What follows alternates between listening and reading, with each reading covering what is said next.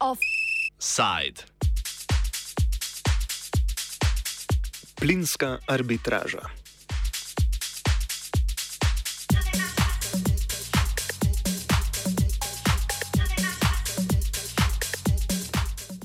V današnjem lokalnem offsajdu potujemo na skrajni severovzhod države, v kljun Koroške, v Petišovce pri Lendavi.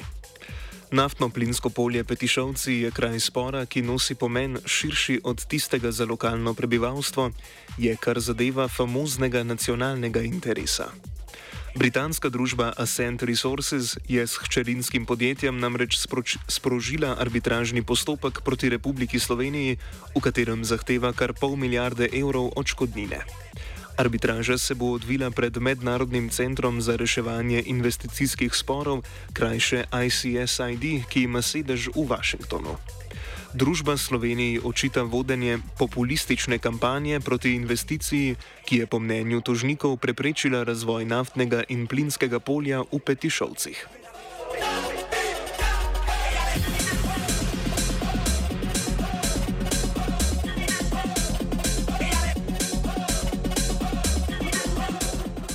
Družba Ascent Resources je postopek uradno sprožila po sprejemu nove novele zakona o rudarstvu, s katero je državni zbor aprila prepovedal hidravlično lomljenje oglikovodikov za pridobivanje plina, znano kot fracking.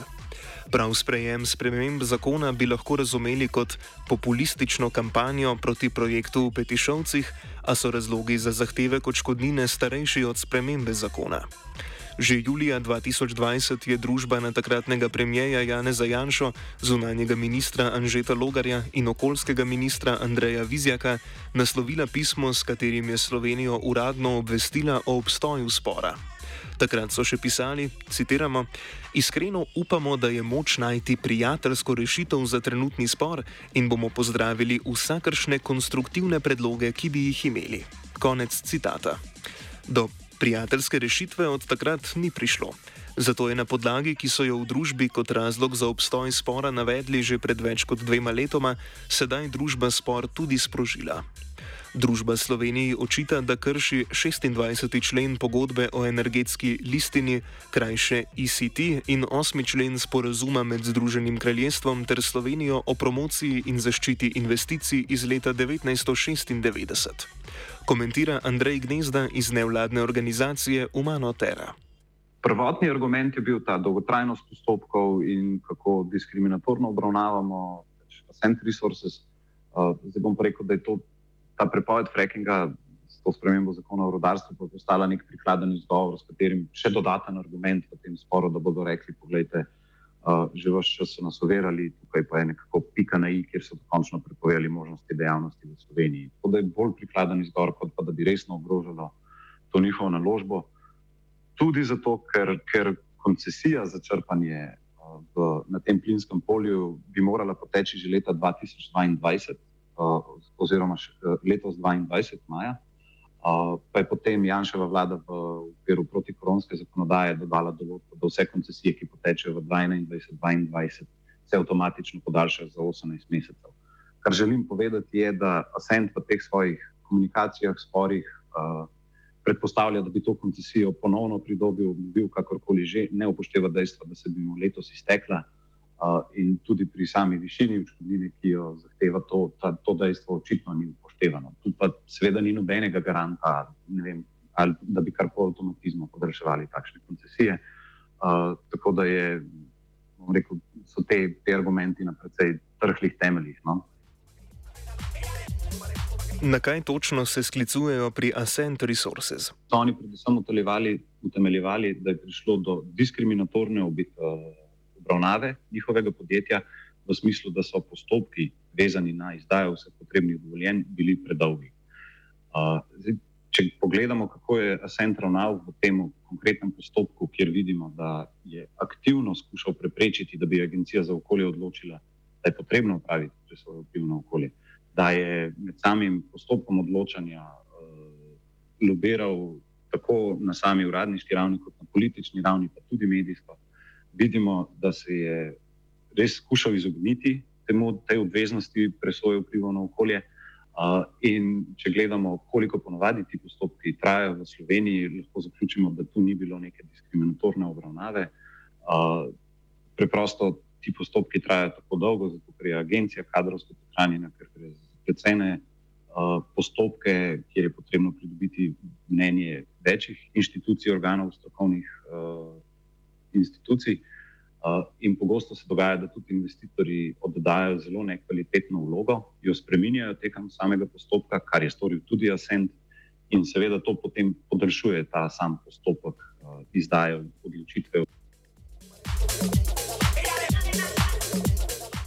Podjetje se v lanskem pismu torej sklicuje na to, da je bilo neenakopravno obravnavano.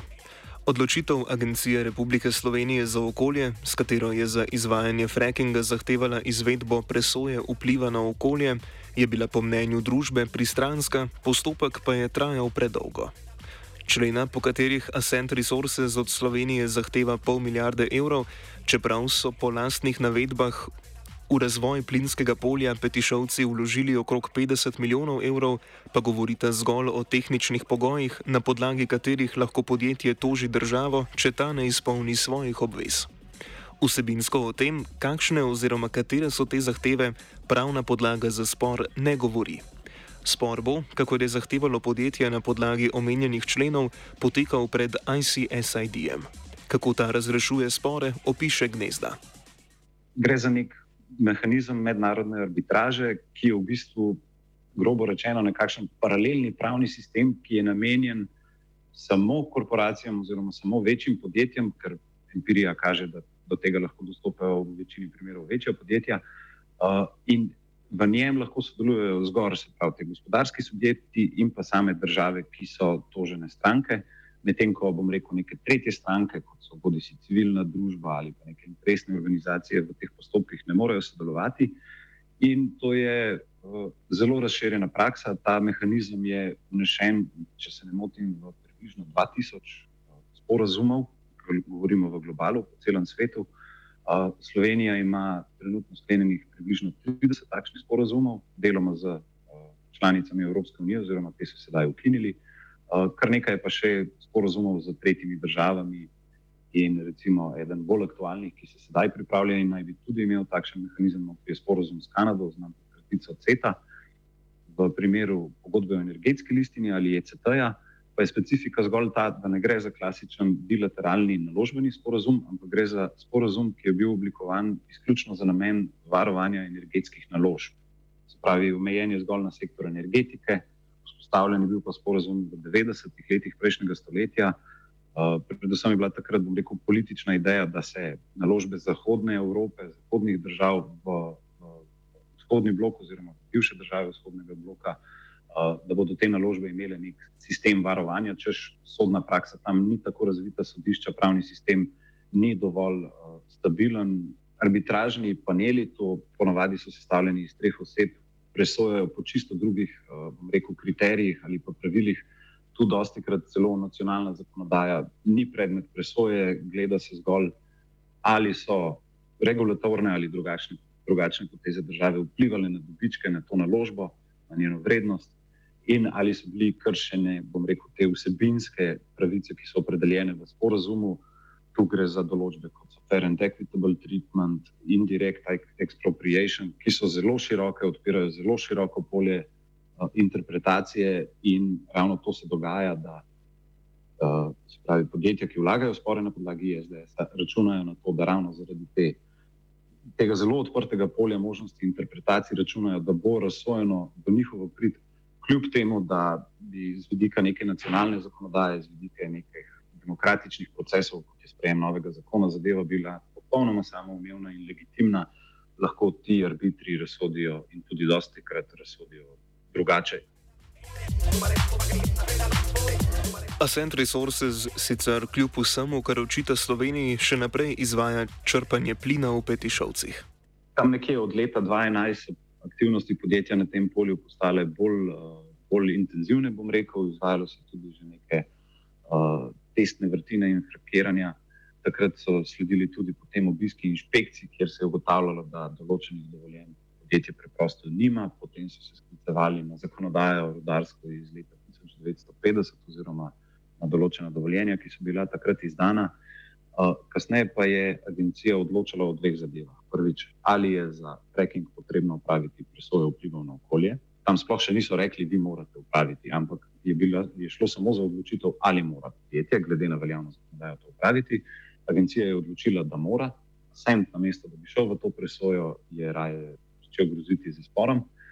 Odškodninskim. Druga zgodba je bila pa rafinerija plina, kjer je ravno tako šlo že za že izdano okoljevarstveno dovoljenje, ki pa je kasneje bilo preklicano, tako da je Ascent potem neprečiščen plin in ga še vedno pošiljajo na Hrvaško, kjer ga potem obdelujejo, da je rekel, dovolj primerne kvalitete za nadaljno prodajo.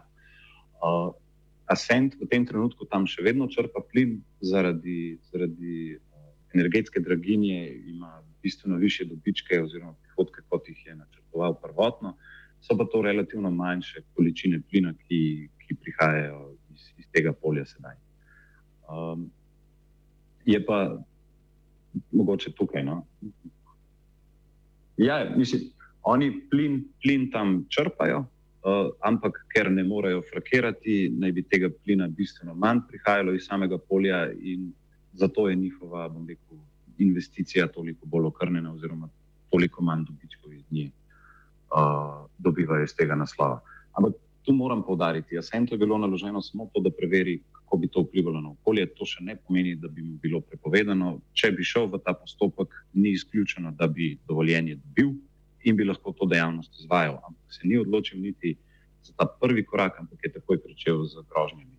Kar mislim, da deloma kaže tudi na to, da je tukaj bil predvsem interes po hitrih in velikih dobičkih in da neke neke, bom rekel, bolj, bolj odgovornega poslovanja, očitno ni želel opravljati. Zaradi postopkov, ki jih omogoča pogodba o energetski listini, so okoljski znanstveniki in nevladne organizacije vlado že pozvali na iz pogodbe izstopi. A če tudi bi se vlada sedaj odločila za izstop, to ne bi vplivalo na postopek, ki ga je sprožila družba Ascent Resources. Izstop Slovenije iz ECT-ja, eh, tu moram podariti, da Slovenija lahko in mora izstopiti iz te pogodbe, uh, vendar pa ta izstop na ta konkreten primer ne bi čisto nič vplival. Še več, uh, samo pogodbo o energetski listini vsebuje tako imenovano nevladnik, ki jo imenujemo zombi klauzulo. Namreč ta klauzula določa, da tudi ko država izstopi iz te pogodbe, za investicije, ki so že v državi, velja zaščita še 20 let. Se pravi, če danes izstopimo, bo šele čez 20 let prekinjena ta grožnja morebitnih sporov za vse naložbe, ki jih imamo in uživajo pravice iz te pogodbe. Kar trenutno se dogaja na evropski ravni, je, da je prišlo do posodobitve te pogodbe, da bo sedaj tudi Unija in njene članice na novo razpravljale, ali potrdijo to prenovljeno pogodbo, ali morda izstopijo iz te pogodbe. Tisto, kar predlagamo v nevladnem sektorju, je, da se članice dogovorijo, da izstopijo iz te pogodbe in hkrati tudi, da to tako imenovano zombi klauzulo neutralizirajo. Se pravi, preprosto rečeno, da se dogovorijo, da v primerih, v potencijalnih primerih med temi državami članicami, ki bi izstopile, ne bi veljala ta zombi klauzula, se pravi, da bi tudi prenehala veljati ta grožnja še možnosti vlaganja sporov še naslednjih 20 let. Možnost dogovora je, države članice se dogovorijo, da skupaj izstopijo in da v tem primeru ta zombi ali sunset klauzula, kot jih pravilno rečejo, ne velja za njih in s tem bi se rešilo glavnino potencijalnih sporov, ker tudi podatki kažejo, da danes večina teh sporov poteka na bilateralni ravni med članicami Evropske unije. Se pravi, da če bi tu prišlo do nekega dogovora znotraj Evropske unije na politični ravni, potem bi tudi zelo velik del teh sporov uh, potencijalnih v bodoče uh, preprečili. Spremenjeni zakon o rudarstvu, ki ga je državni zbor ob velikih besedah poslancev sprejel aprila, res da ponovem pravi, citiramo, nosilci rudarske pravice ne smejo izvajati raziskovanja ali izkoriščanja oglikovodikov s hidravličnim lomljenjem. A ob tako močnem mehanizmu, kot ga ima na voljo Ascent Resources, da bi na koncu dosegel svoje, se sprejetje zakona dejansko kaže kot goli populizem, za kar je družba obtožila kar celotno Slovenijo.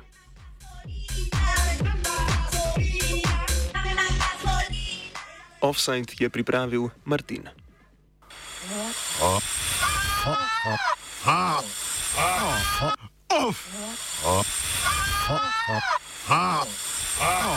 Offside.